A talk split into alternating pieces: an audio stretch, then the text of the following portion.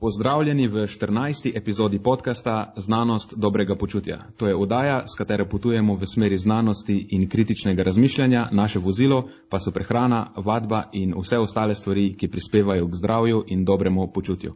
Moje ime je Nenad, z menoj je tako kot vedno moj sovoditelj Matjaš in tokrat je na sporedu epizoda z gostom, zato se nama je pridružil tudi najn prijatelj, diplomant kineziologije, magister inženir prehrane in soustanovitelj ter nekakšen stric iz ozadja zavoda Spoznaj prehrano Aljoša Kozmanovski. Pozdravljena oba dva. Živijo Nenad, zdravo Matjaš. Ej, fanta, pozdravljena. Um, jaz sem pozabil povedati, da Aljoša se nam javlja z podmornice, zato na njegovi strani malo odmeva. Ja, se opravičujem za te tehnične težave, ni nam uspelo odpraviti, ampak upam, da se bo kljub temu dobro slišalo, no, da se me bo razumelo, tako bo rekel. Aljoša, to je nujno potrebno, veš, naši poslušalci so se zdaj že navadili na nek uh, nivo, sub, suboptimalni nivo zvoka v teh podcastih in to, ta standard moramo držati dalje. Da, ja, dokler nimamo nekega sponzora, neke velike korporacije ali pa dokler nas ne podpira zadosti ljudi z denarje, denarjem, eh, si ne moremo privoščiti ne, mikrofonov za vsakega gosta. Da enkrat, ko nas pa ne vem, neka Coca-Cola podpre ali pa eh, ne vem, lahko tudi kako avtomobilsko podjetje večje, gradbeniš, gradbeniško podjetje, vse sprejemamo, takrat bomo pa vsakemu gostu nabavili svoj mikrofon. Tako je. E, ponudba za Haribo tudi še velja. Od, Vsekakor, od Haribo. Z, ja. s timom. Dobro, preden začnemo, sem jaz nameraval malo pripraviti teren, narediti malo ogrevanja za nas, no, ker ta zajbancija eh, zdaj ni bila še dovolj, ne, pač narediti en ta kratki, kratki uvod. Eh, na tej točki najbrž ni več nobena skrivnost, da smo pri Filgut in spoznaj prehrano zelo blizu in da nekako, rečemo temu, delimo skupne vrednote. Oboji smo borci za jasno in znanstveno korektno komuniciranje o prehrani, smo promotorji tega tako imenovanega evidence-based pristopa k prehrani, oziroma če poslovenim to, da me ne bodo domoljubi spet linčali, tako kot zadnjič s tistim Q&A-jem, se temu reče z znanstvenimi izsledki podprtega pristopa k prehrani. In no, v glavnem, ko sva z Matjažem razmišljala o prvih nekaj gostih za najn podcast, je bilo pač edino, seveda edino logično, da takoj oziroma med prvimi nekaj gosti povabiva predstavnika vašega zavoda Spoznaj prehrano. In mo moram reči, da je bila odločitev zelo težka, ker ste e, ena res zanimiva družba, taka pisana družba, pa to mislim na, na dober način, ker ima vsak od vas neko svojo specialnost in če bi recimo želel izbrati samo na podlagi nekega kriterija, kdo je, ne vem, na nekem področju najboljši ali pa najbolj načitan, bi bilo to zelo težko ali pa celo nemogoče. No, ampak. A se brez skrbi, ne? ostali člani še pridejo na vrsto. Ja, no, ampak jaz sem se bolj spomnil, da dejansko živimo v Sloveniji in da tukaj meritokracija itak nima nobene veze in da v bistvu izgubljava čas z iskanjem najboljšega, ker se pri nas poziciji ne spodobi dajati tistim, ki so v nečem najboljši, temveč jih pač podarimo tistim, ki so vem, člani naše družine, naši prijatelji ali pa so vsaj blizu tebe doma. In potem sem jaz pač uporabil svoj vpliv znotraj te cele zadeve in kot pravi lokal patriot odločil, da, ja, da, da priložnost dobi človek iz moje pokrajine, ne, moj so, so pomurec, bo rekla temu. Tako, tako, ja. ok, torej zdaj, ko sem nekako opravičil to najno izbiro, Matjaš, uh, imaš še ti kaj za dodati? Ne, odlično, dobro si nas ogrel, Lenat. Mislim, da smo kar pripravljeni, da skočimo na prvo najno vprašanje. Odlično, potem pa In, lahko. Potem prepustiva besedo Aljoši. Ja, končno, ne? Eh, no dobro, potem pa lahko kar začnemo s tem uh, uradnim delom tako kot si že nekako rekel, tudi jaz mislim, da se najprej spodobi, da Aljoša ti dobiš besedo in da se nam eh, predstaviš, ker mislim, da boš sam to storil bistveno boljše kot predvsem prej jaz s parimi besedami. In pa mogoče, da nam v kombinaciji s to svojo predstavitvijo eh, poveš, kako to, da si pristal na področju prehrane. E, mogoče zakaj je prehrana tista stvar, ki te očitno najbolj zanima. Tako da lahko dojemaš to vprašanje kot eno tako generalno life story vprašanje. Razumem, ja. Ok, hvala vam za ta lep, lep uvod. Uh, ja, še enkrat lepo zdrav vsem poslušalcem. Najprej hvala vam za, za povabilo in pa sploh. Uh, hvala in pa bravo za to, ta podcast, ki je zelo, zelo, zelo potreben in pa dobrodošel na našem prostoru. Tako da uh, super, naj to traja še dolga leta naprej uh, in naj ga čim več ljudi sliši. Hvala lepa. Uh, hvala, kar se mene tiče. Um, torej, jaz sem, kot si sam povedal, diplomant kineziologije na fakulteti za šport. Uh, ki se je v tistih letih, da jaz sem 20 začel študirati, Uh, v absolventskih letih sem se jaz, ko sem se zadal nek cilj, uh, želja po nekem preoblikovanju telesa in takrat je tudi uh, se je, so se začeli prvi, prva zanimanja za prehrano, se, se kot nek default zavedaš, da moraš začeti paziti na prehrano in verjetno, kot večina uh, ljudi, uh, začneš malo brskati po spletu malo dobiš kakšne knjige v roke. In jaz se spomnim še takrat, uh, da je moja prva knjižica, v bistvu PDF dokument, je bil uh, Apps Diet. In to je bil, v bistvu, bil moj prvi stik uh, s prehrano, s dietami, uh, po kateri sem se jaz nekako uh, spoznavati začel s prehrano, tako malo bolj na individualnem uh, nivoju. Na faktu smo seveda imeli uh, tudi uh, predmet športna prehrana ampak kar vsakega verjetno začetnika še zanima neki, neki več, ker na faksu itak a, dobiš premalo ne, s tistim in tudi to, kar dobiš na faksu, se ti v tistih mladih letih zdi, da a, kaj pa oni vejo, vsej znanost je itak bistveno daleč, daleč naprej. Seveda to zdaj sarkastično govorim, ampak tako je neko moje razmišljanje takrat bilo. Uh, in ja, tako sem se lotil v bistvu uh, zanimanja za prehrano. Pol uh, iz tega apps dieta me je zanimalo, je takrat je bila zelo trendi dieta paleo prehrana, paleolitski način prehranjevanja, ki je na to se vodil ketogeno prehrano. Tako da to je nekako moj, moj začetek uh, zanimanja za prehrano. Uh, bil, kar bi lahko rekel pri sebi, da je bila neka dobra lasnost, da se nekako vseeno nisem čist, čist, čist slepo uh, pustil voditi vsem prebranem, ampak me je pač nekako vseeno zanimalo, kaj pa proti vtež vsem tem dietam, kaj pa ker vem, da uh, karkoli poiščeš na spletu, lahko tudi takoj v isti sapi dobiš tudi uh, informacije, ki to kontrirajo. In tako da sem se tukaj začel nekako uh, loviti oziroma prvič si postavljati neka vprašanja, uh, zakaj bi jaz zdaj verjel tej, recimo, paleolitskem načinu prehranjevanja oziroma uh, ketogenem, kaj pa ne vem, na drugi strani imamo neke visoke hidratne uh, vrste prehranjevanja, kdo ima zdaj prav. Uh, impuls je tukaj mi bila nekako skoraj edina možnost oziroma edina logična izbira, kaj pa če bi jaz zamenil faks. Ker sem videl sam pri sebi, da me to noro veseli in da vidim, uh, da me bistveno, kako naj povem, uh, zelo, zelo uh, velik interes imam v odkrivanju tega zdaj, uh, kdo ima tukaj prav na področju prehrane, oziroma nasploh prehrana mi je bila takrat bistveno bliže, kot mi je bila vadba, kljub temu, da sem bil na fakulteti za šport. In ja, takrat sem se odločil uh, zamenjati faks in sem se upisal na magisterij uh, prehrane na biotehnički fakulteti. In tam se je v bistvu vse začelo tako malo bolj za res. Takrat sem jaz tudi prvič prišel v nek resnejši stik z, uh, z raziskavami, uh, začel spoznavati konkretneje baze podatkov od PubMeda in naprej.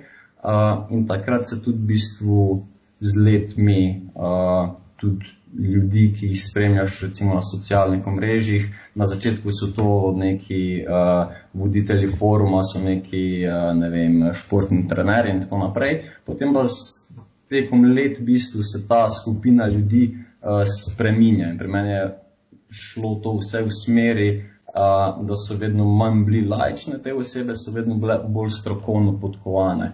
In v bistvu zdaj, kar je socialna omrežja, naprimer, uporabljam, da večinoma sledim uh, osebam oziroma tem strokovnjakom na določenih področjih prehrane. Tako da, uh, tako da ja, biotehniška je tukaj bila potem en velika uh, prelomnica uh, in tudi tukaj uh, so bili potem tudi sošolci oziroma kolegi z faksa, uh, s katerimi smo bili res ena zelo močna generacija, to vedno rad izpostavim.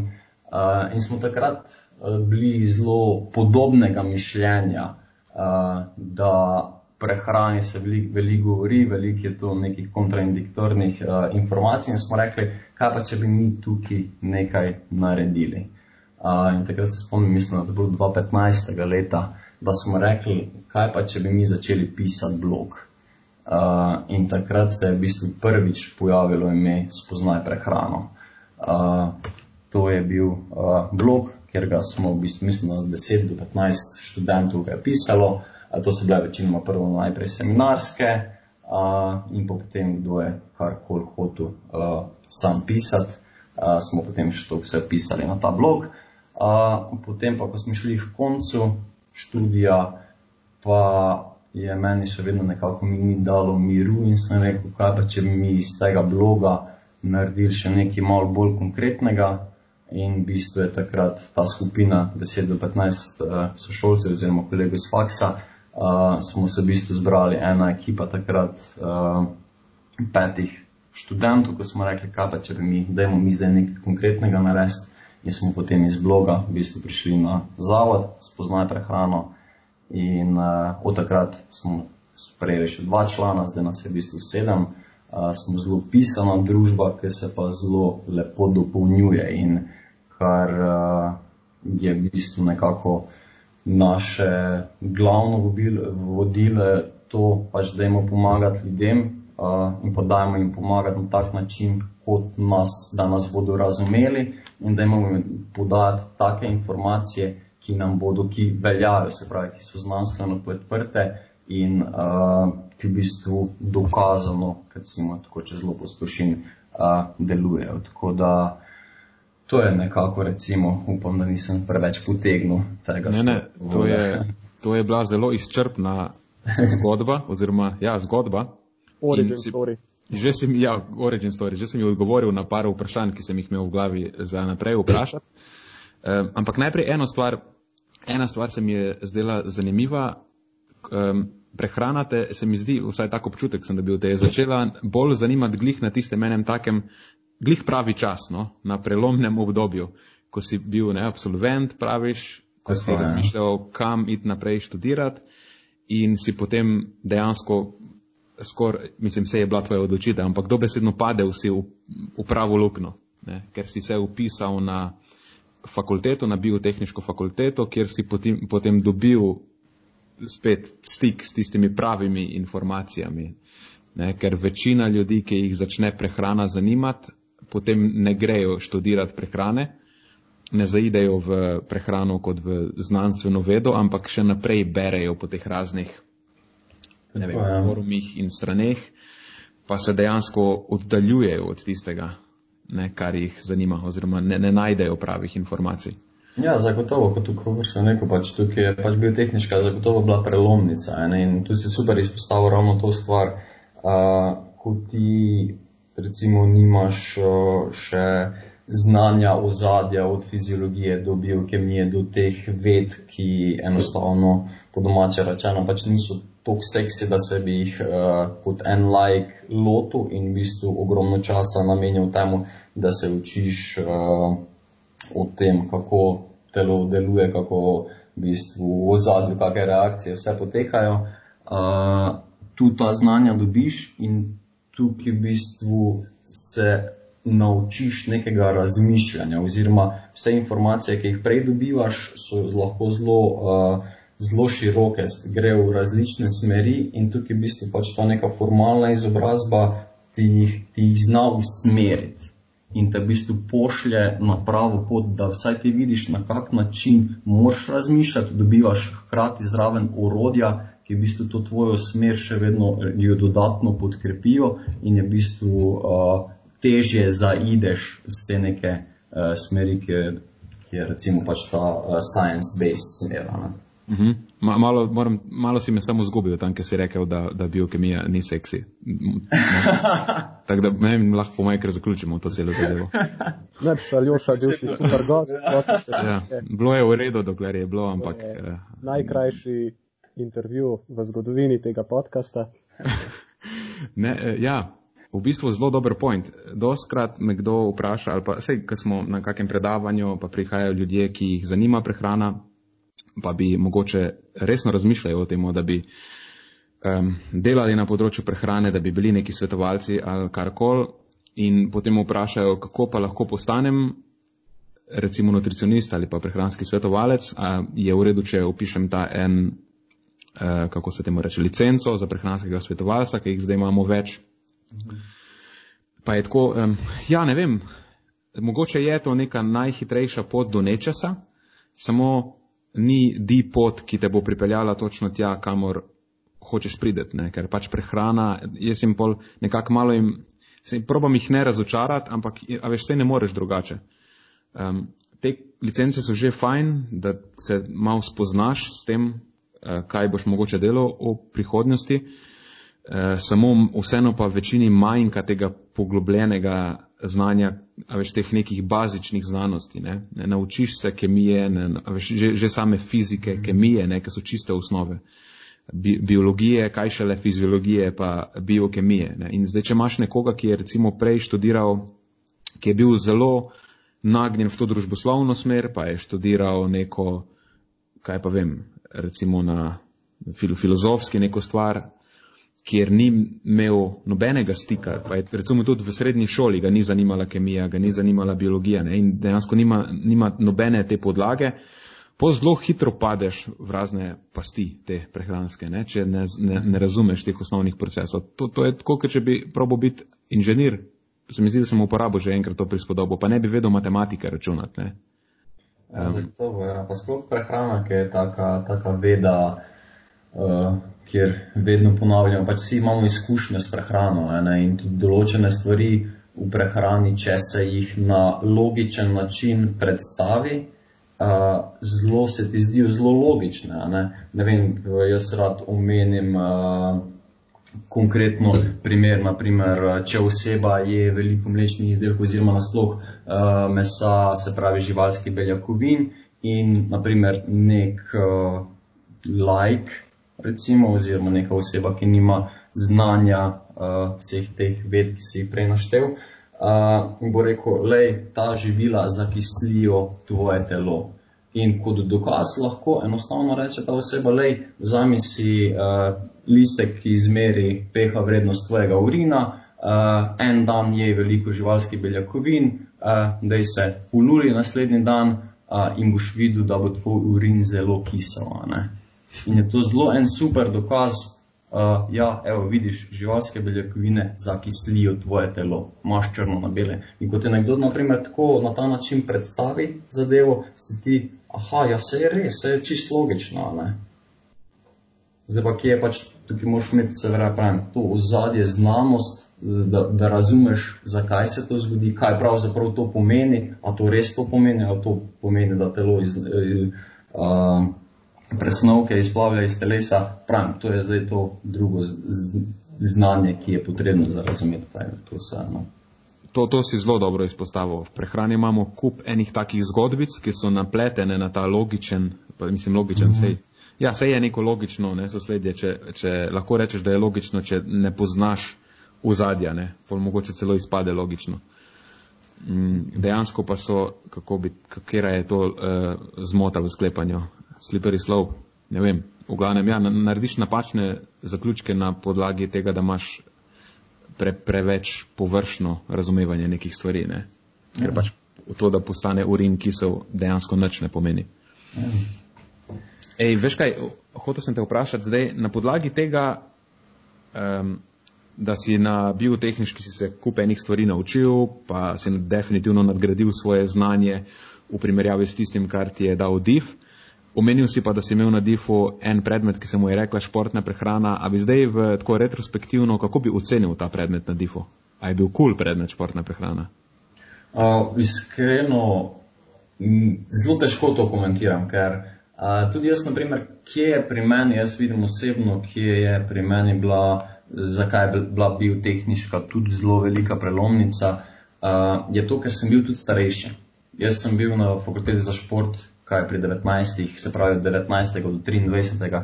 leta na biotehniško, uh, sem potem od, uh, ker sem jaz bil dve leti v bistvu absolvent, uh, sem prišel, mislim, da pri 25, 24, 25 letu in potem prvi letnik, drugi letnik, se pravi 26, 27 leta, uh, sem v bistvu bolj zrel bil. Uh, in tudi, naprimer, takrat mi smo imeli, mislim, da v drugem letniku je bila ta prehrana športna prehrana.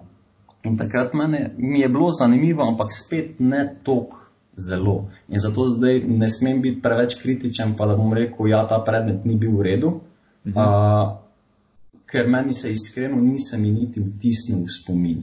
Vem, da smo ga imeli, vem, da smo se preračunavali določene stvari, da smo govorili uh, o pokrivanju potreb, o Haris Benediktovi enačbi in tako naprej se pravi, pač nekaj smo tam vzeli, ampak mene ni, ni eh, v meni vzbudilo to neko ekstra zanimanje, ne bi pa mogel zdaj tega pač predmeta, kako bi, bil, bi bilo nepošteno, da bi ga ocenjeval.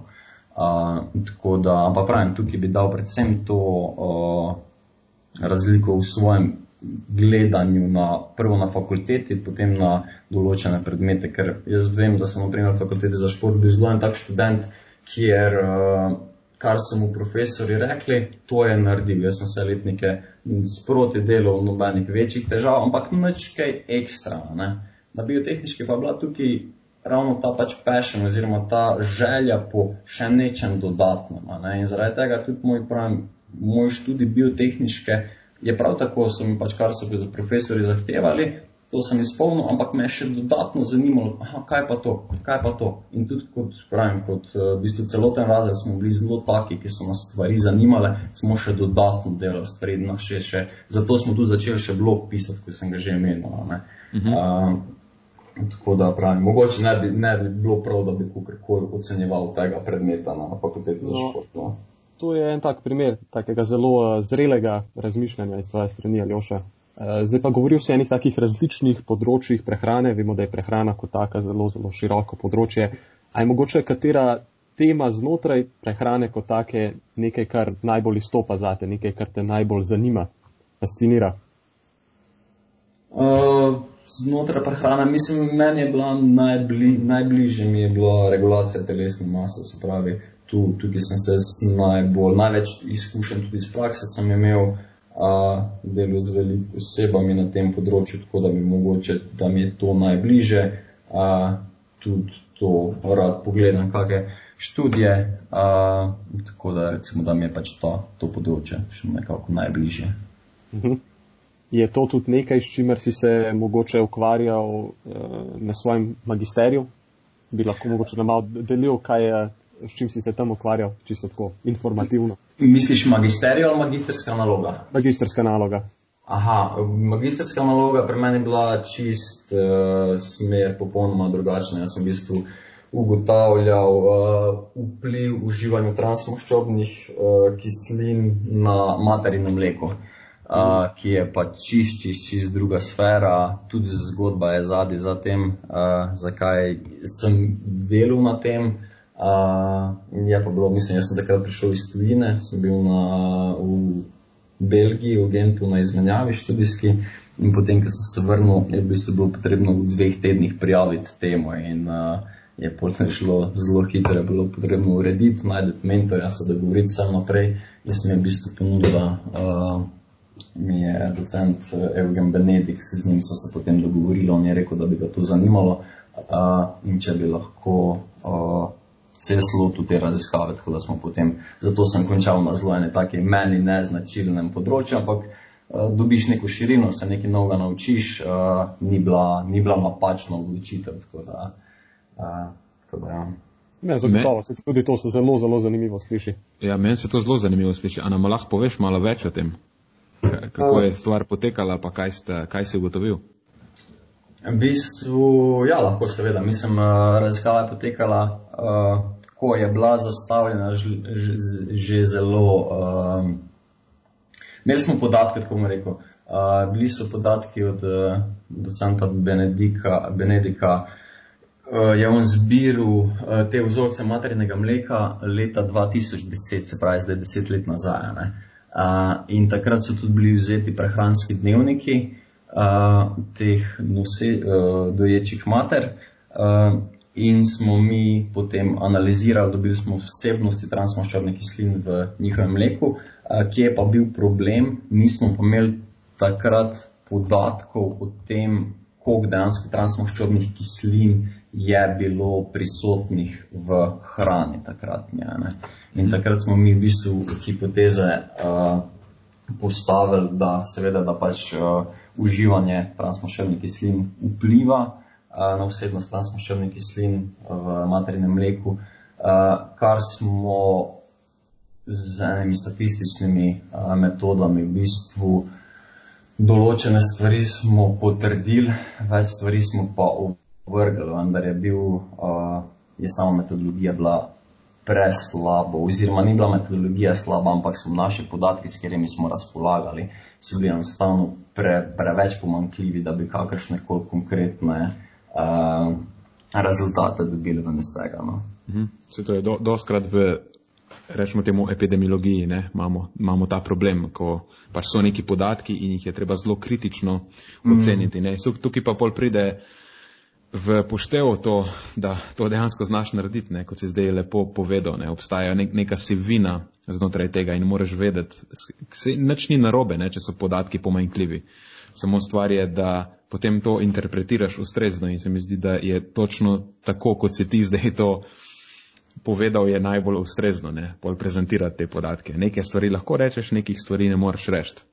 Ja, zagotovo. Ja. Mislim, tudi tukaj, tudi naprimer, če, dobiš, eh, če ne dobiš potrjene hipoteze, to, oziroma tudi če dobiš eh, neprečakovane rezultate, oziroma tudi če dobiš rezultate, ki so popolnoma neskladni z tvojimi pričakovanji, to še vedno je to neka ugotovitev. Si neki delal, si neki ugotovil in če bo nekdo za tabo šel delati, bo videl, da okay, on je tako in tako delal, ja, to so imeli take in take podatke, to verjetno ni bilo najbolj optimalno, ja, verjetno moramo mi, če bomo isto stvar delali, nekaj spremeniti, delati nekaj drugače, da ne bomo enako naredili, da je dobila. Ne, a, a, se mogoče, a se mogoče spomniš, kakšna je pa, kakšna je pa bila, um, koliko je bila, kakšna je bila razlika v teh vzorcih? Uh, kako misliš? Range vrednosti, recimo v transmaščobah. Kako so se vzorci razlikovali, ja se ne spomniš? To me preveč vprašaj, bi mogel pogledati. To sem jaz dve leti nazaj, sem jaz uh, zaključil z magistrsko, tako da bi res mogel pogledati, uh, kakšne so bile konkretne vrednosti. No. Mm, to je bilo interesantno videti, če, če res je variabilnost visoka, ne, pol, pol dejansko nekaj mora na to vplivati ne, in dvomim, da kaj drugega kot vnos transmaščobnih kislin. Ja, ne, ne, to vsekakor, ja. Tako da že, že samo to, ne, spoh ne glede na to, če imaš podatke ali jih nimaš, je nek relevanten podatek. Ne, sem da zbereš ozorce pa jih primerjaš, da vidiš, kako v nekih v teh prosto živečih pogojih, kakšna variabilnost obstaja znotraj vzorcev. Ne, že samo to po sebi je lahko precej um, podatek, ki ti precej pove. Ja. Ej, super, Aljoša, hvala, da si delil tole. Ja, to je bilo. Svoje magistrske. Meni se ti zelo uporabno za poslušalce, da slišijo dejansko nekako ti procesi raziskav potekajo v resničnem življenju. Meni se mi zdi, da ima to neko tako dodano vrednost, ker mislim, da je to nekaj lahko tako zelo abstraktnega za nekoga, ki pač ni iz tega sveta. Tako da takoj, ko imamo znena do gosta, pa ga lahko izkoristiva za tako situacijo, potem provamo še eno tako zgodbo peljati notri. Ja, to je super, ja, ker ta znanost, mi večinoma beremo znanost, oziroma če že beremo znanost, je super, večina ljudi tako ne bere znanosti, uh, oziroma znanstvenih uh, člankov, potem pa če še delaš znanost, je pa spet še ena čist, ne bom rekel čist druga stvar, ampak je zelo druga stvar, zelo specifična stvar. Ja, da, zagotovo. Uh, Tukaj pa tisti, kako te mu rečejo, couch researcheri ali kar koli.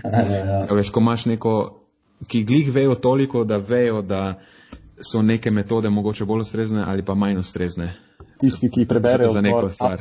Na podmedu. Ali pa ne, sploh niti ne nujno, da preberejo. Lahko preberejo celo stvar in vidijo, ok, to pa ni glih najbolj tesna metodologija. Ne? In pa reče, ok, to je šit študija zaradi tega, ker niso delali tega in tega, ali pa ker je bilo premalo udeležencev, ali pa ja. karkoli. Ali pa to je neka brezvezna. V resničnem življenju in tako težko je dejansko narediti zadevo pod narekovaj perfektno. Tako ali tako ni nikoli perfektno. Čak, da sem malo zgubil se, ki sem bil, ampak ok. Ja, glede raziskav, ne, pač sam, uh, že to, uh, kot se imeni, že nekdo, ki bere uh, znanstveno literaturo in se poglablja v metodologijo, je že to velik, velik uh, korak v recimo neki pozitivni smeri, ampak tam se ne konča, ja, ker ti mor, mislim, je zelo, zelo, zelo zaželeno, da imaš tudi izkušnjo s tem, kako dejansko se raziskave loteva in kaj je v ozadju same raziskave in kako, so, kako se pridobiva podatke, kako se, kako se upravljajo statistične uh, analize in tako naprej. Tako da tukaj je široko, široko področje, ki pa uh, je zelo kompleksno. No? Uh -huh. Se tudi uh, glede samih stroškov pa vsega tega, ne? vedno si omejen s skupaj enimi stvarmi in če ja. nikoli nisi bil v tem, potem, potem težko sodiš. Uh, una družba, ki zelo hitro sodi, ne? kako dolge so raziskave ali pa koliko udeležencev so imele, so zdaj te razne, recimo, low carveri rečejo, ja, ni bila za dosti dolga. Ne? Ja, mislim, kako dolga bo za vas mogla biti. Ne? Mhm. Ne, ker spoh, če govorimo o nekih kliničnih raziskavah, pač ne morejo biti neomejeno dolge, iz večjih razlogov ne morejo biti. Najprej zato, ker ne moreš ljudi imeti pod kontrolo zelo dolgo mhm. časa.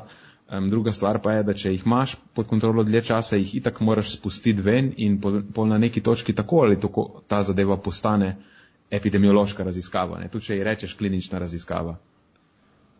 Ja, res. Ja. Eh, tako da ja, tukaj pridejo te izkušnje potem najbrž v, v, v poštevo, da znaš to malo bolj objektivno si predstavljati, ne? da nimaš nekih previsokih pričakovanj. Um, pa tako, kot si rekel, vedno si kot tudi kot raziskovalec omejen z nekimi stvarmi. Aha, to sem hotel prej reči. Um, ena, ena stvar, ki jo še rečejo te couch researcherji, je ta, da ja, pa zakaj to raziskujete, to je čist brez veze, ne? to je bilo že 500 krat pokazano. Ne? Ampak se. Mm -hmm. Ja, se je bilo 500 krat pokazano, ampak tudi če bo zdaj 500 prvič še enkrat, pa bo, veš, mogoče učinek malo drugačen, še vedno to pade v maso dokazov in še vedno so podatki, ki potem pač celo, celo področje ne, nekako zaokrožijo in um, so, so vedno so uporabni. Ne. Nikoli podatki niso neuporabni, če so to kakovostni podatki oziroma če jih kakovostno uporabimo. Zagotovo, ja, mislim, ta teža, teža dokazov je ključnega pomena in tudi uh, v prehrani se stvari spreminjajo. In, uh, ampak še vedno mi rabimo te neke osnovne, če pogledamo že naprimer fiziologijo telesa, kako telo deluje, kako od uh, gledanja, naprimer konkretna stvar, v kateri se veliko na področju regulacije telesne mase, so samo pač kalorije in v bistvu vse diete, ki želijo uh, negirati temu calories in calories out, uh, imamo vedno tukaj to ozadje, pač težo dokazov, ki lahko skoraj za gotovostjo, oziroma ne bom rekel skoraj za gotovostjo, ampak kar z gotovostjo trdimo, uh, da naprimer pač je regulacija telesne mase oziroma kaj se z našo telesno maso dogaja, je odvisno od tega, koliko energije se zavžije, koliko energije se porabi. In tudi, kako koli raziskav bo, to potrjevalo, so vse dobrodošle raziskave, ker še dajo dodatno težo, da te stvari na ta način delujejo in ne delujejo na ne vem, z vidika, kako mi vplivamo na hormone, kako mi, ne vem, kaj se še vse govori, uh, zaradi česa ljudje hujšajo. Mhm. Ok. Um, Prej eh, zanimivo, da si nam povedal, kako je nastal spoznaj prehrano, ker eh, tudi jaz nisem vedel, da je to bila najprej, najprej eh, združba oziroma projekt vseh študentov v letniku. A ste bili vsi ali vas je bilo deset samo? Ja, no, mislim, na generacijo nas je bilo takrat, mislim, da nas je bilo ne 16, 15, 16, 17, manjša skupina. Ja. Takrat je bila še prehrana relativno nova, nova smer, tako da. Uh, Tako da je bila manjša skupina. No? A potem, ko ste začeli, je bila to neka selekcija ali ste sprejeli vsakega, ki se je želel pridružiti projektu? Ko ste recimo ne. se odločili, da, da bo, zdaj bo, bo to pa resen projekt?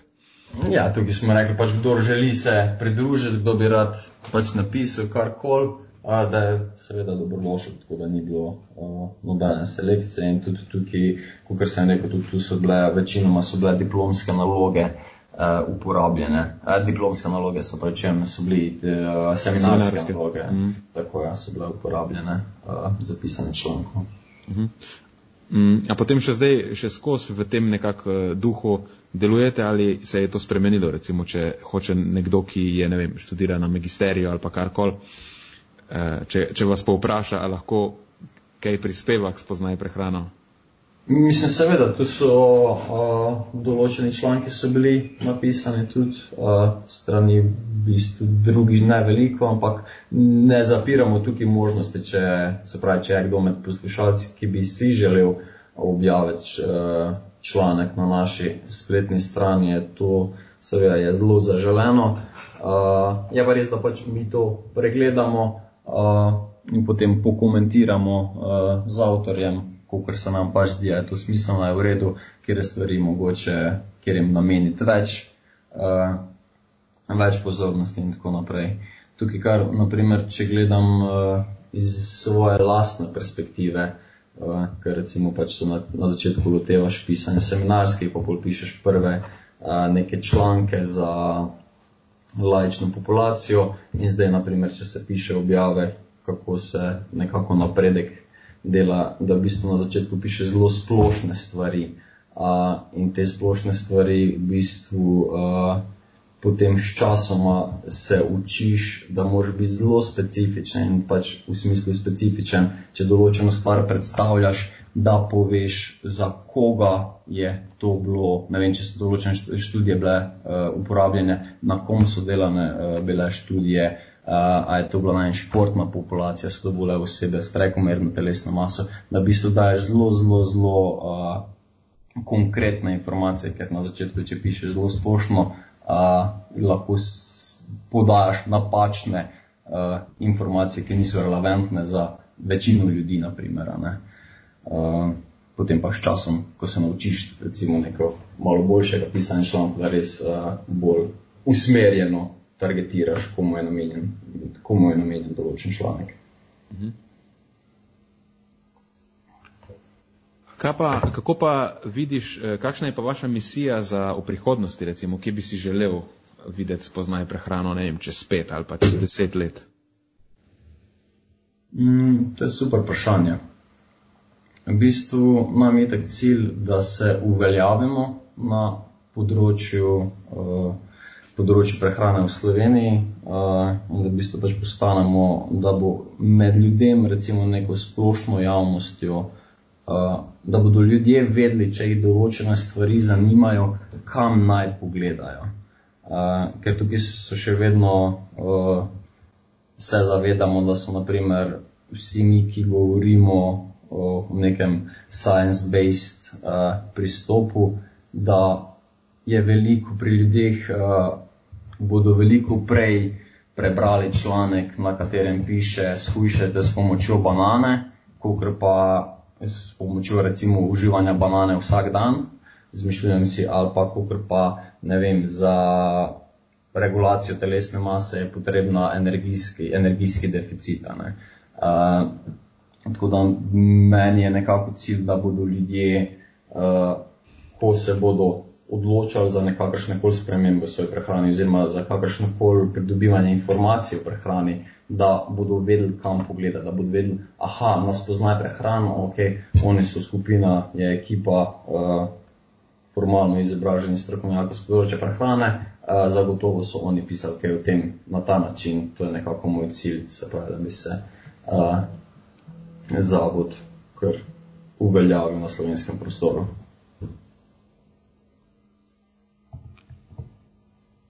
Torej, eh, zdaj v bistvu si mi že odgovoril na še eno vprašanje, ki sem ga imel. Eh, hotel sem vprašati, kaj, kaj mislite, da bi bilo na področju prehrane potrebno najbolj spremeniti, recimo. Pa je to najbrž stane, iskanje teh quick fixov, če sem prav razumel. Ja, mislim, Zagotovo je to največji problem. Vse to nam je nekako v družbi, se mi zdi. Uh, nam je, ne vem, če nam je v genih zapisano, ampak nekako funkcioniramo uh, na način, da bi radi rešitve čim prej.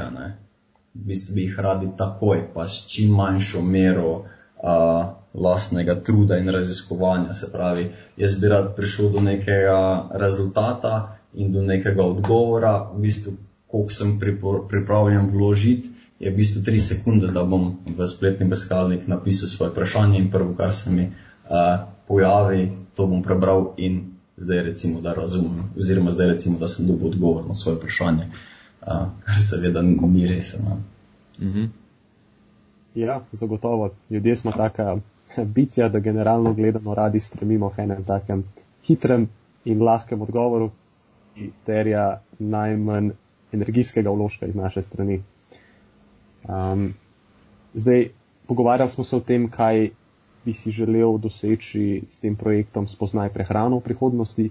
Imaš mogoče ti kakšne take posebne ambicije v prihodnosti ali pa mogoče, uh, ne vem, bi si želel kaj raziskati na področju prehrane v bodoče ali pa kaj podobnega?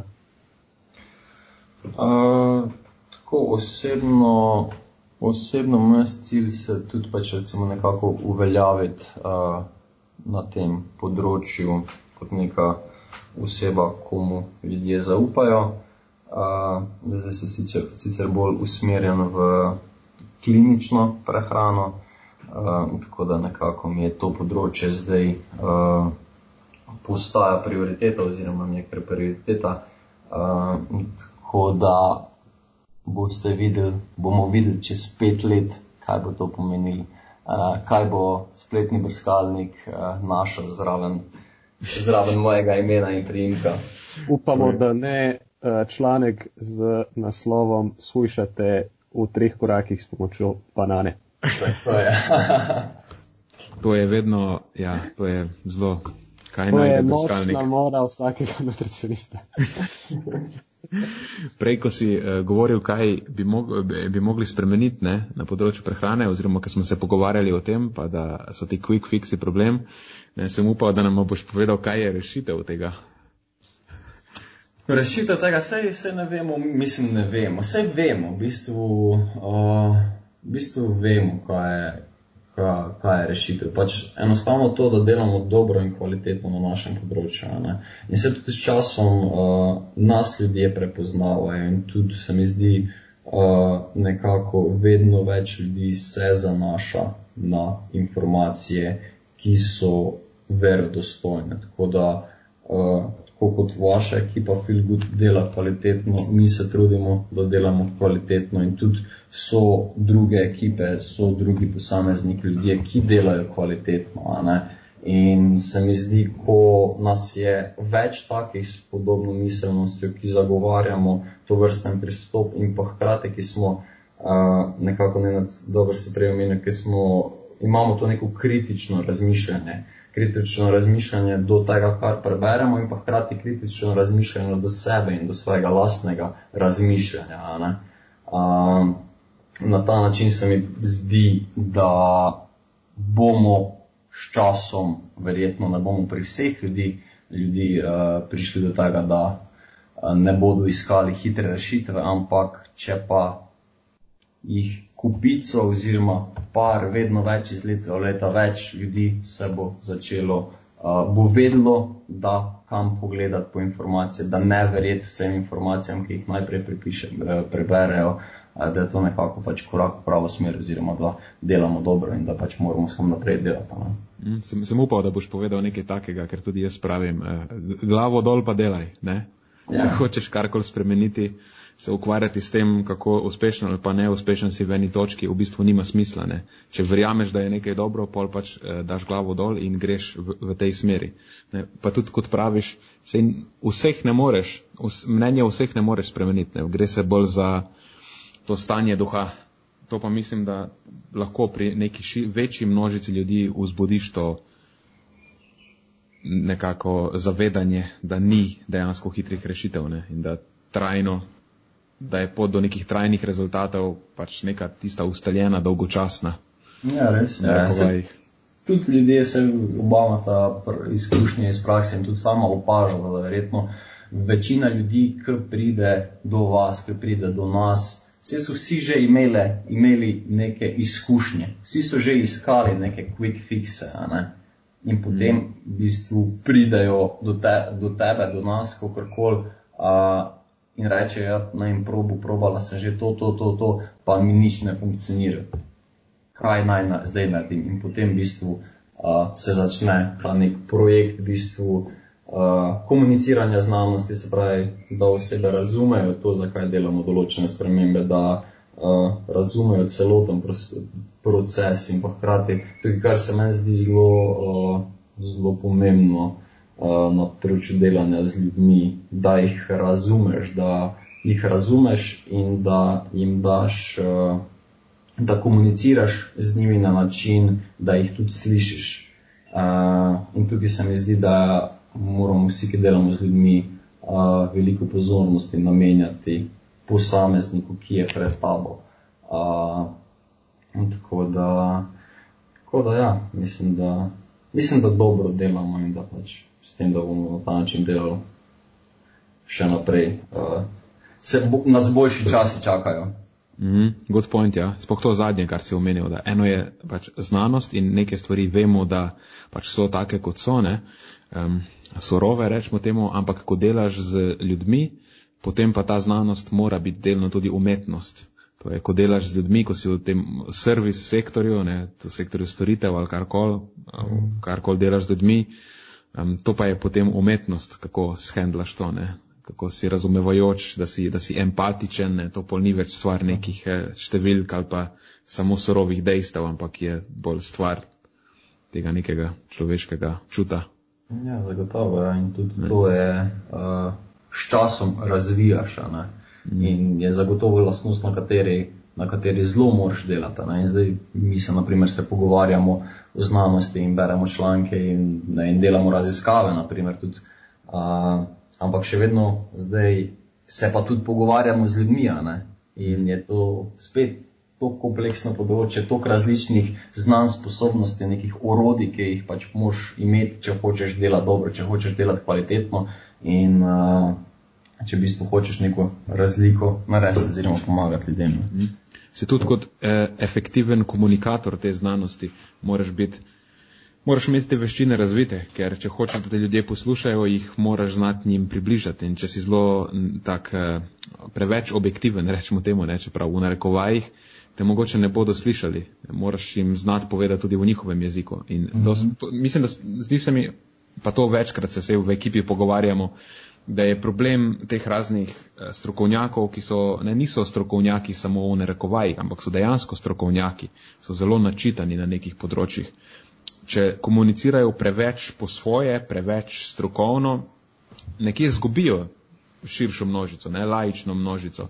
In če, veš, se tudi, če jaz nekoga ne razumem, če mi nek avtomehanik začne razlagati o nekih delih, jaz nimam pojma, kaj mi on govori, ga na neki točki neham poslušati in grem k unemu drugemu mehaniku, ki mi reče, evo, da je za 500 evrov to je pokvarjeno, veš, da ti bom jaz zamenjal to. A veš, ne, to je tvoje yeah. in ja. tako neki na brzino. In valjda, da bom pol, njega razumem, kljub temu, da, me, da je v deruh, pa mi, mi hoče ukrasti 500 evrov, ne? On. Ja. drug pa mi vse lepo razloži, pa to je tako, veš, sam ne moreš, pa ta del je neki sem in tja, pa mi reče, če, če daš 20 evrov, pa bova to, pa uno, pa tretje, pa me bo stala na koncu desetkrat manj, ampak ga ne slišim, kaj mi govori. Res, ja, mislim, to je vse, vse res. Tukaj spet je ta, uh, to vsi, vsi, ki se nekako podajajo v prehrano, ki ali študirajo ali imajo željo delati z ljudmi, uh, se pač vsega tega se morajo zavedati. Ne? Ker prehrana je, je zelo popularna uh, z vidika, če pogledamo socialno mreže, če pogledamo uh, od osebnega trenerstva in tako naprej. Pač skoraj vsak bi se že, mu je, če ne drugo, kot sem prej omenil, ima izkušnjo in pol, če ima izkušnjo, nekomu preda svoj nasvet, svojo izkušnjo. Zdaj pa, naprimer, če bi se nekdo rad strokovno oziroma uh, ukvarjal s tem, uh, se mora zavedati te kompleksnosti uh, in vse, kaj to vse pomeni, če hočeš delati v bistvu, če hočeš pomagati ljudem in če hočeš delati kvalitetno. Mm. Ok, Matjaš, a, a imaš še ti kako vprašanje za Jošo? Uh, zdi se mi, Nenad, da si zdaj Aljoša lahko malo oddahne, pa Aha. se mi preselimo na malo lažje teme. ok. Se strinjaš? Podpiram to, ja. ok, mislim, da je bilo tako prvo lahko vprašanje, Aljoša, s čim se ukvarjaš takrat, ko se ne ukvarjaš s prehrano? Uh, s čim se ukvarjam, ko se ne ukvarjam s prehrano? To prav moram pomisliti. Uh, Zdaj bo to težje vprašanje od unih prejšnjih. Ne, ne, ne e, ni, ni tako grozno, ampak eh, ne, je ta nekako neka. Uh, se mi zdi, če hočeš delati zelo kvalitetno na nekem področju, pa ne pravim, da jaz delam zelo kvalitetno, se pa trudim delati zelo, zelo kvalitetno, tako mu rekel. Pa ne, to, da, ne, ko sem rekel, da ne pravim, da jaz delam kvalitetno. Ne, Aljoša, čist prav, čist prav je, da pihaš v svoj rok. V redu je. Ja, ne podcenjuj se, Aljoša. Ja. Okay. Uh, se mi zdi, da moraš, ma, vsaj malo moraš biti obseden z določeno stvarjo. Uh, malo ti mora biti, da ti je, ne bom rekel, verjetno ni zdravo, da imaš skozi to v mislih, ampak je pa fino, da imaš uh, veliko svojega časa uh, to dejavnost oziroma to, to stvar imenovana passion v svojih mislih. No. Uh, ampak ja, s čim se ukvarjam drugače, s punco se družim zagotovo, uh, preživljam čas s prijatelji in pa telesna dejavnost uh, oziroma pač športom. Tako, uh, te so te stvari, nekako, ki, je, ki je preživljam svoj preostali čas, uh, ni, uh, ki ni vezan na prehrano. Vsaj direkt. Mislim, da si to zelo dobro izpostavil, ta del glede tega pešna. Mislim, da se z Nenadom tukaj kar pridružujeva tvojim besedam. Ne, moraš, moraš imeti nekaj v življenju, kar, um, kar, te, kar te v, končni fazi vzbudi zjutraj, kar te postavi na noge, nekaj, kar te interagira, nekaj, kar ti daje veselje v življenju uh, in res postane neka taka rahla obsedenost okoli tega. Ja, ampak naj, bo, naj, naj ostane rahla. Nobeni ekstremi niso, niso dobri, niso za življenje. Točno to. Čeprav, čeprav je pa vzorec, ne, ker vsi ljudje, ki so zelo dobri na nekem področju, so dejansko obsedeni s tem. Tud, mislim, na, na vseh, ne, tudi na, na področju recimo biznisa, a pa na področju česarkoli, področju športa sploh. Mm. Res je. Dej nama povej še, a gledaš kako serijo, nama priporočaš kako serijo ali pa kako knjigo za prebrati. Zdaj pa jaz uh, zelo slabo oseba na to. Zato ne gledam ne serij, uh, je pa jih uh, knjiga zraven moje nočne police, police uh, je pa bolezni ledvic, tako da to je moje nočno čtivo. To je lahko noč. Tako. Ja. torej ne konzumiraš nobene zabavne vsebine, ali kaj, a hodiš v kino? Ja, občasno greva s punco v kino. Uh, Film tudi pogledam, seveda, da ne bo zdaj to grozno uh, zvenelo za poslušalce. Pogledam film, pogledam tudi serije. Uh, spomnim se sicer, kdaj sem kjer do konca pogledal, pogledal sem par epizod Evo Game of Thrones, uh, ampak Sej, po mojem se jim več ne bo zdelo čudno, ker sem jaz v prejšnjih, pred dvema epizodoma se mi zdi, sem razlagal o tem, kako je moj hobi to, da berem o eks, teh eksotičnih parazitskih boleznih.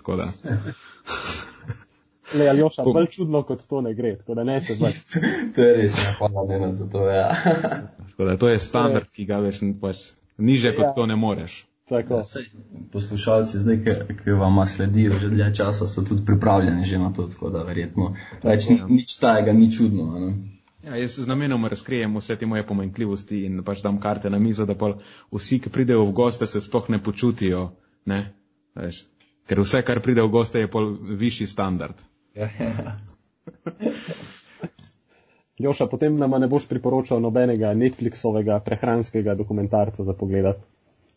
Uh, ba je zelo, ene par zelo dobrih, no.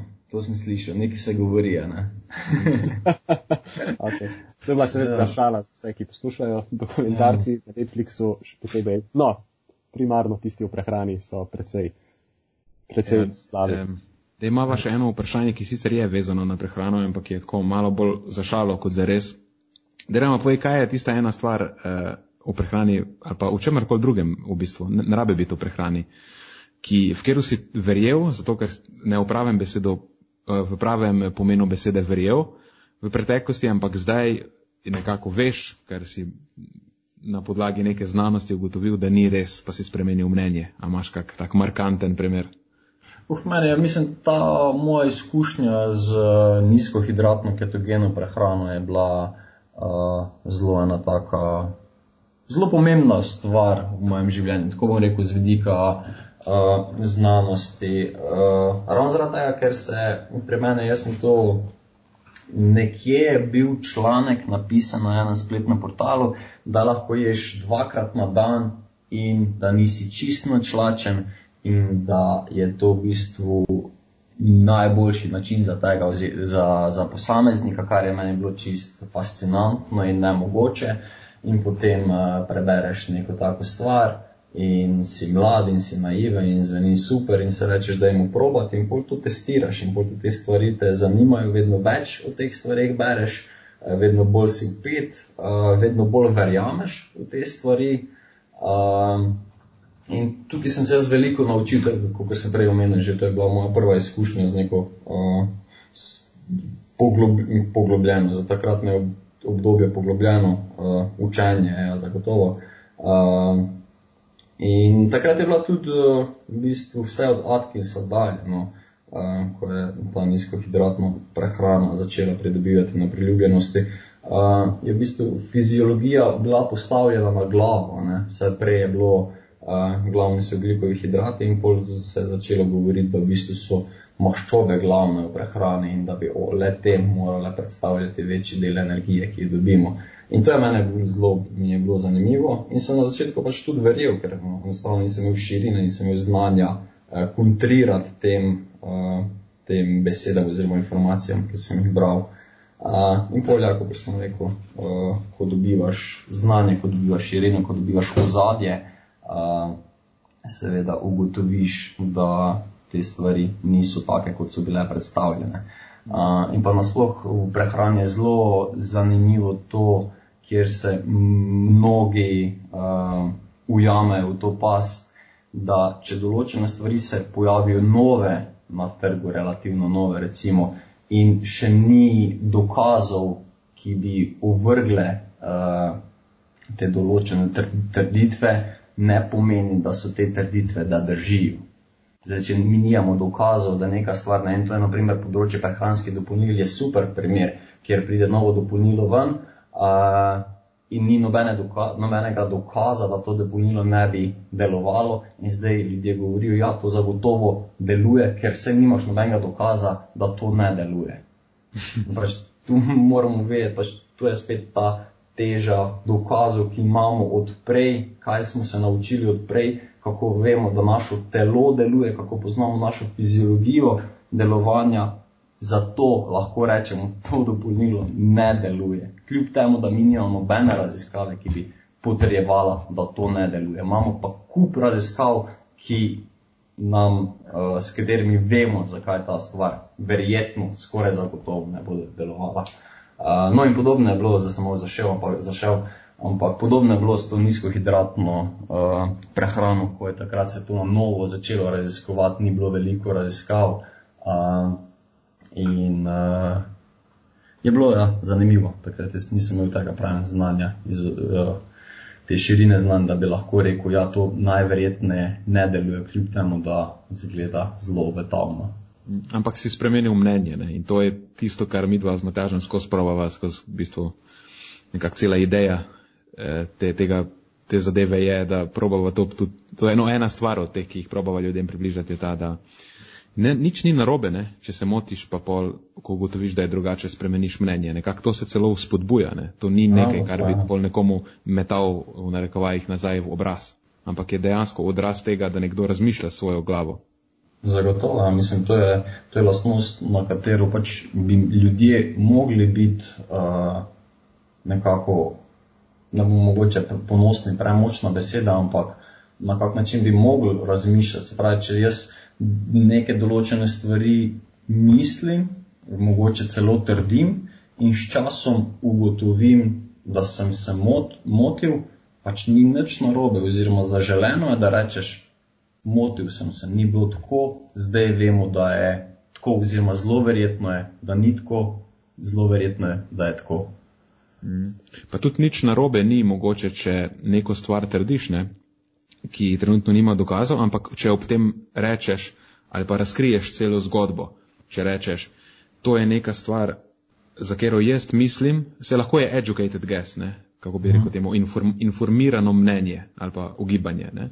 Rečeš, mhm. jaz v to zadevo mislim, da tako deluje, ampak nimam pa dejansko nobenega dokaza za to, da ta stvar tako deluje. Ne? Sej s tem ni nič narobe. Zagotovo, zagotovo. In, eh, to sem zdaj malo pripravil, sem teren za naslednje vprašanje, ki je v bistvu to ne. A obstaja kakšna stvar, za katero verjameš, da drži, ampak trenutno nimaš nekih dobrih dokazov za to. Ne? Ali pa nekaj, kar delaš, recimo, pa nimaš nekih dobrih dokazov, da bi bilo to koristno delati.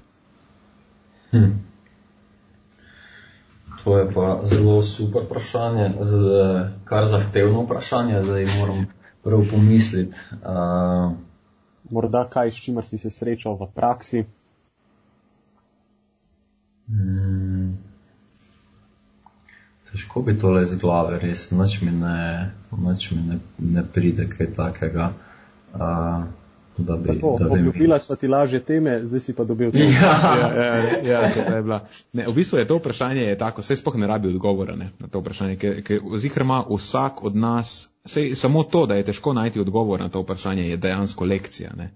Mogoče mora biti, Matjaš, mogoče mora biti to tudi najn cilj da, da spravljamo ljudi v zadrego. zadrego ja, s tem vprašanjem, samo zato, da potem lahko jaz naredim ta point, pol, da je dejansko zelo pomembno se samo zavedati, da na to vprašanje je, vsak ima neko tako stvar, pa ne najbrž samo eno, ampak kup enih takih stvari, v kere verjame, pa jih dela kljub temu, da nima nobenih dokazov in potem, če ga mi vprašamo po tem vprašanju, dejansko spoh ne zna poiskati odgovore. Ne? Ker zakaj smo dala to vprašanje noter? Tudi jaz, ki sam sebe vprašam to vprašanje. Moram izjemno dolgo se mogo razmišljati prvič, ko sem slišal to vprašanje, kaj je ena dejansko stvar, ki jo delam, pa za njo nimam nobenih dokazov. In potem, ko dlje časa, ko razmišljaš, se kup stvari se pojavi, ne? ko se prej sprašuješ. In se mi zdi taka res dobra vaja za držati se um, accountable, je angliška beseda. Ne? Ne, to je super in tudi super si, super si tole zdaj v besedu. Uh, pri meni je ta problem zdaj, ker jaz takoj začnem razmišljati o prehrani pol razmišljam, kaj zdaj jaz uporabljam, da ni, da ni pre, preverjeno, da ni, da ni dokazano, da deluje, da in pol se tukaj se, tukaj se zaciklam. Verjetno bi bilo boljš uh, z katerega drugega področja uh, najti stvar, ki bi, za katero bi lahko rekel, to delam, pa ne vem, če, če, če dokazano deluje. Ja, ker čisto lahko greš tudi ven iz nekih teh ja, okvirjev prehrane, tako kot praviš, prehrana, vadba, karkoli. Lahko greš na ene tako osnovne ali pa pomembne stvari, kot so recimo medsebojni odnosi. Ne, se, lahko se obnašamo do nekih ljudi, ki so nam blizu na nek način, ne, pa se um, smo jezni tako podzavestno na nekoga ali pa veš nekomu nekaj zamerimo ali pa take stvari. Mislim, to je zdaj že tako zelo ezoterična razlaga tega. Samo doskrat se potem ne ne vprašamo, a dejansko obstajajo sploh kakšni dokazi za to, da ta oseba recimo ne vem, čuti ali pa se obnaša do mene na ta način, pa jaz se pol obnašam do nje na ta način. Ne. In doskrat potem praviva tudi v teh epizodah, da želimo uspodbujati kritično razmišljanje na splošno, ne, ker je neka, ta, to kritično razmišljanje je neka stvar, ki nam lahko da na vseh aspektih življenja ali pa nam lahko ponudi kupenih koristnih stvari. Da, in to je mogoče primer, kako lahko samo to, da se vprašaš, a te stvari, ki jih delam v življenju, a res so, ne, obstajajo dokazi, zakaj, zakaj to delam, zakaj se mogoče v tem primeru obnašam do nekih ljudi tako, kot se obnašam, ali bi bilo mogoče boljše, da, da, da spremenim to ne, ali pa prilagodim. Da, zdaj mogoče je to za koga malo preveč, ja pa vem, uu, ali pa ezoterično. Ne. Ampak eh, mislim, da to kritično razmišljanje ima tudi vrednost izven, izven teh, eh, izven prehrane in vadbe in, in same, recimo temu, uradne znanosti. Zagotovo, ja. Zagotovo je pač kritično razmišljanje, lastnost, uh, lastnost, ki jo pogrešamo v današnji družbi. Mm. Meni se zdi, ne, da živimo sploh v takem času, ki se nam, kot sem prej omenil, uh, da se nam vse modi, vse hočemo hitro, vse hočemo takoj in že sama beseda, ne kritično razmišljanje, ampak samo razmišljanje, že to je nek prvi korak, ki se zelo pogosto, na katerega se pozablja, ampak smo v nekem avtomatizmu, kjer enostavno delamo stvari, ker jih odvedno tako delamo in niti ne razmišljamo o teh, kaj šele, da bi kritično razmišljali o, o, o teh stvarih. Se, mogoče je to, ne, jaz sem zašel, itak so zdaj že vajeni poslušalci, da jaz pol skozi neke čudne primere vlečem, ampak to, kar si izpostavil, je še mogoče boljša stvar za izpostaviti. Ne. Stvari, ki jih počnemo iz, iz dneva v dan, mogoče se je najprej pomembno preoprašati, zakaj sploh delam neke te stvari, ki jih delam, a so res ne, pomembne ali pa potrebne, ali jih delam samo za brez veze, zato ker sem vajen jih delati tako. Ja. Mm. Cool. Da nam zdaj povej še, um, kaj pa misliš, da je nek naslednji trend, ki nas čaka? Lahko rečeš prehrani in vadbi, vadbi ali pa v nečem drugem, ki je, tak, ki je bil kot keto recimo, ali pa ta nizkohidratna prehrana nekoč paleo. A vidiš kaj na... Kaj je na vidiku? Na vidiku. Uh, hm. Se pravi, imeli smo nizkohidratno, potem smo imeli fasting, uh, zdaj je fasting, ne vem, če na vrhuncu. Uh, ne vem, recimo, ampak da je fasting je prevzel keto. Uh, v bistvu smo obdelali vsa makrohranila. Mogoče bo, mogoče bo naslednja stvar alkohola, ne? to še na medinu ostane, da se išče čudež, čudežne stvari v alkoholu uh, izmed teh makrohranila. Uh, drugače pa, fuh, bomo videli, bomo se pustili, se bomo pustili presenetiti. Mislim, zagotovo je zanimiva stvar zdaj, ker se, uh, kar je meni osebno no, zanimiva stvar, je ta uh, chrononutrition, se pravi, uh, glede na cirkadijalni ritem prehranjevanja oziroma nekako. Časovna razporeditev obrokov. Uh, ja, časovno pa nasploh naše delovanje, ne? Uh -huh. uh, delovanje telesa, v katerem v katerem uh, delu dneva uh, na kak različen način naše telo dela. V bistvu je to zdaj kompliciranje prehrane, se strinjam. Ampak uh, kljub temu je pa se mi zdi zanimivo področje in potem tukaj na tem mestu tudi pač pomen spanca, to je se zdaj raziskuje veliko, kar mislim se že dolga leta, ampak mene je začelo zdaj to uh, zanimati uh, in pol tudi pač vpliv spanca na vpliv spanca na v bistvu apetit in te hormone in uh, nasploh celotno zdravje. In v bistvu, kar, kar mi je všeč, v bistvu uh, tudi učinek vade, za katero vemo, kako pomembna in kako zdrava je. In zdaj tudi se mi zdi, da v lajčni uh, krogih se ljudje vedno bolj zavedajo, uh, kako pomembno je pravzaprav biti telesno dejavni, kako ključnega pomena je uh, ta funkcionalna, se pravi mišična masa, sploh v starosti in da se tudi temu namenja veliko uh, pozornosti. Tako da v vsakem primeru, uh, ne vem, mogoče ne vem ravno v katero smer bo zašlo vse skupaj, uh, ampak se mi zdi, da nas zanimivi časi čakajo, ker itak prehrani ni nikoli dolg čas. Hm. Bomo pa videli, kjer bo nov dokumentarc uh, na Netflixu prehranski in to bo verjetno v tej smeri, pa potem pre, prehranski trendi oziroma nove diete bodo. Torej, torej največjo kvoto misliš, da ima ta film o eh, Chrono Nutritionu? Mogoče bo več time changer. Ja, dvomim, dvomim, ne, ni, ni, ni ravno, ne zveni, ne, ne zveni zelo seksi, da bi to bilo uh, zanimivo. Drugače pa ja, mislim tukaj, kar je isto pač vredno izpostaviti, ta uh, kar je bilo tudi, kar je bilo in je še vedno seveda aktualno, uh, je pa vpliv prehranjevanja na okolje. Zdaj gremo te uh, smer uh, ugličnega odtisa. In tukaj na tem področju se je delalo, se dela, se še bo delalo, če se bo to kaj spremenilo, tudi to me naprimer zanima, uh, se mi zdi zanimivo, no, uh, tudi o tem razmišljati. Eh, to, kar je naprimer Eat Lancet, kar je izšlo, uh, ta je zelo taka sprememba bila, če je bila, koliko je bila smiselna, je, bila, je druga stvar, ampak uh, je pa naprimer stvar, na kateri se stvari dogajajo, premikajo. Ne. No, dobro, da si to izpostavil. Jaz imam en tak, mogoče nekonvencionalen pogled na to. Um, vsekakor se strinjam, da je ta stvar zelo pomembna, ker pač okolje je pomembno, ker nam, ne, okolje, v katerem živimo, nam omogoča življenje brez nekih teh standardnih pogojev, ki nam to omogočajo, uh, ne moremo obstajati. Samo se pa vedno sprašujem, kakšna je dejansko vloga nekega nutricionista. Naša specialnost je ukvarjanje s prehrano.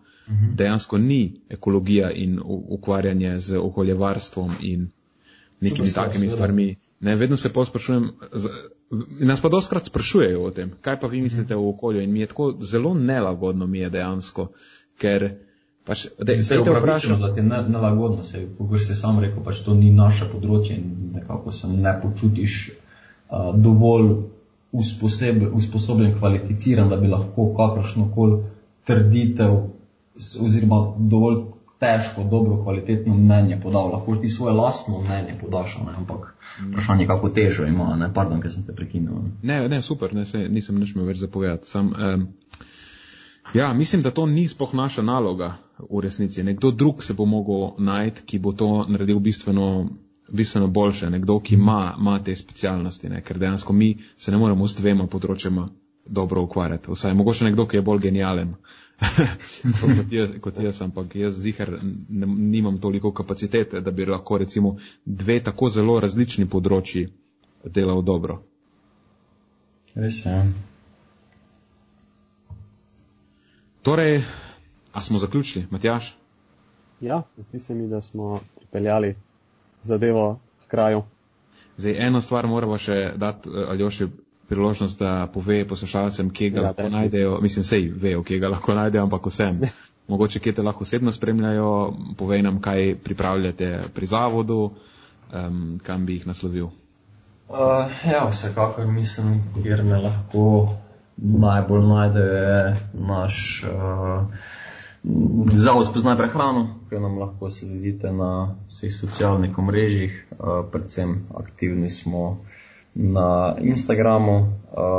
Jaz sem nekoliko osebno, sem nekoliko manj aktiven, tako da bo verjetno Zavod spoznaj prehrano boljše področje, da pridete v stik z mano. In pa imamo seveda tudi spletno stran, tako da tam lahko pridete na zanimive članke, ki smo pripravili. Uh, mogoče jih danes je uh, četrtek, pa je vredno izpostaviti, da imamo ob četrtkih uh, QA, se pravi vprašanja in odgovore na Instagramu, uh, kjer lahko uh, postavite vprašanje. In uh, če boste imeli srečo, če bomo utegnili uh, odgovoriti na vprašanja, se trudimo čim več vprašanj odgovoriti. Uh, ne moremo pa vse, ker je enostavno preveč, ampak ja, četrtek je dan, ko nam lahko postavljate vprašanja, mi se pa potrudimo a, čim bolj kvalitetno odgovoriti na leta. Tako da vam že danes da vprašate. To je pa zdaj že tradicionalno, ne? Tradicionalni ja. četrtkovi Q&A so v bistvu. Tako je, tradicionalno. Ja. Tukaj imamo to srečo, da nas je, da nas je veliko v zavodu, potem pa se lepo razdelimo vsake en teden eh, odgovoren za odgovarjanje na vprašanja in danes je moj dan, tako da izvolite vprašati. Pre, no, danes je, če, danes je ponedeljek, ne, ker podcast izhaja v ponedeljkih, tako da počakajte ja. do četrtka. zdaj si izdal, zdaj si izdal, da snimamo v četrtek, ja. E, mi ni hud, nič hudega. Prej si rekel, da na nisi aktiven zelo na svojem profilu, a to pomeni, da ne živiš influencerskega življenja. Uh, ne, ne živim influencerskega. Nimaš nobenih ambicij takih? Ja, mislim, da je to ambicija vsakega, ki ima Instagram profila. ne, hecam se, ne, ne, uh, nimam, trenutno nimam uh, teh želja.